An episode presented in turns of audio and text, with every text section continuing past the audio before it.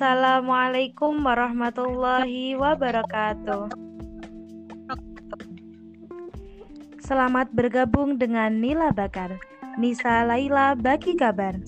Saya binti Lailatul Faizah dan saya Laila Rofiatun Nisa. Kami adalah audiopreneur dari adalah... Prodi Pendidikan Kewarganegaraan. Fakultas Keguruan dan Ilmu Pendidikan. Universitas Islam Balitar Blitar. Kali ini pendengar kami aja untuk membahas soal bagaimana mengembangkan kecerdasan anak dengan teori psikologi perkembangan kognitif Jean Piaget. Perkembangan kognitif adalah tahapan-tahapan perubahan yang terjadi dalam rentang kehidupan manusia untuk memahami, mengolah informasi, memecahkan masalah, dan mengetahui sesuatu.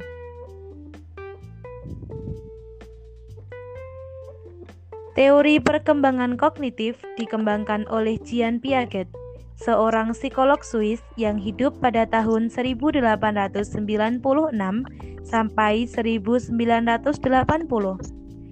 Teorinya memberikan banyak konsep utama dalam lapangan psikologi perkembangan dan berpengaruh terhadap perkembangan konsep kecerdasan serta kemampuan untuk secara lebih tepat mempresentasikan dunia dan melakukan operasi logis dalam representasi konsep yang berdasar pada kenyataan.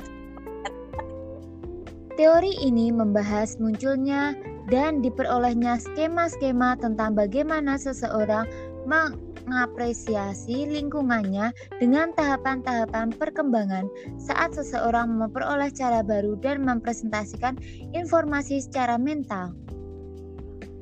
Untuk pengembangan teori ini, Piaget memperoleh Erasmus Prize.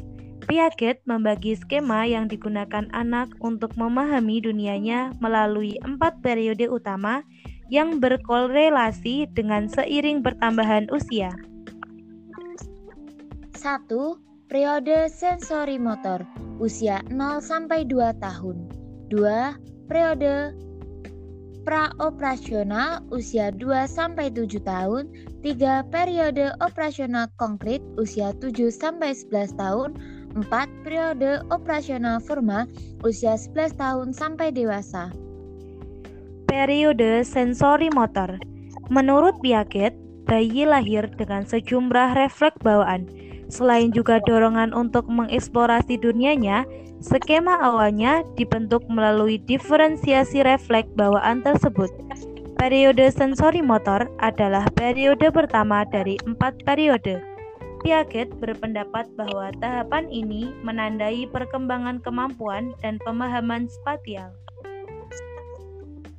Tahapan praoperasional Tahapan ini merupakan tahapan kedua dari empat tahapan. Pemikiran pra operasi dalam Teori Piaget adalah prosedur melakukan tindakan secara mental terhadap objek-objek. Ciri dari tahapan ini adalah operasi mental yang jarang dan secara logika tidak memadai. Dalam tahapan ini, anak belajar menggunakan dan merepresentasikan objek dengan gambaran dan kata-kata. Tahapan operasional konkret Tahapan ini adalah tahapan ketiga dari empat tahapan. Muncul antara usia 6 sampai 12 tahun dan mempunyai ciri berupa penggunaan logika yang memadai. Tahapan operasional formal Tahapan operasional formal adalah periode terakhir perkembangan kognitif dalam teori Piaget. Tahapan ini mulai dialami anak dalam usia 11 tahun saat pubertas dalam terus berlanjut sampai dewasa. Karakteristik tahapan ini adalah diperolehnya kemampuan untuk berpikir secara abstrak, menalar secara logis, dan menarik kesimpulan dari informasi yang tersedia. Dalam proses perkembangannya, teori Jean Piaget mengatakan, seorang individu dalam hidupnya selalu berinteraksi dengan lingkungan. Dengan berinteraksi tersebut, seseorang akan memperoleh skema. Skema berupa kategori pengetahuan yang membantu dalam menginterpretasi dan memahami dunia. Skema juga menggambarkan tindak baik secara mental maupun fisik yang terlibat dalam memahami atau mengetahui sesuatu, sehingga dalam pandangan Piaget, skema mencakup baik kategori pengetahuan maupun proses perolehan pengetahuan tersebut. Seiring dengan pengalamannya mengeksplorasi lingkungan, informasi yang baru didapatnya digunakan untuk memodifikasi, menambah, atau mengganti skema yang belum ada. Sebagai contoh, seorang anak mungkin memiliki skema tentang sejenis binatang, misalnya dengan burung. Bila pengalaman awal anak berkaitan dengan burung kenari, anak kemungkinan beranggapan bahwa semua burung adalah kecil, berwarna kuning, dan mencicit. Suatu saat, mungkin anak melihat seekor unta, atau biasa disebut dengan burung unta anak akan perlu memodifikasi skema yang ia miliki sebelumnya tentang burung untuk memasukkan jenis burung yang baru ini. Sekian penyampaian dari kami, semoga bermanfaat bagi kita semuanya. Mari bergabung dengan Universitas Isam Balitar. Terima kasih atas kebersamaan dengan kami.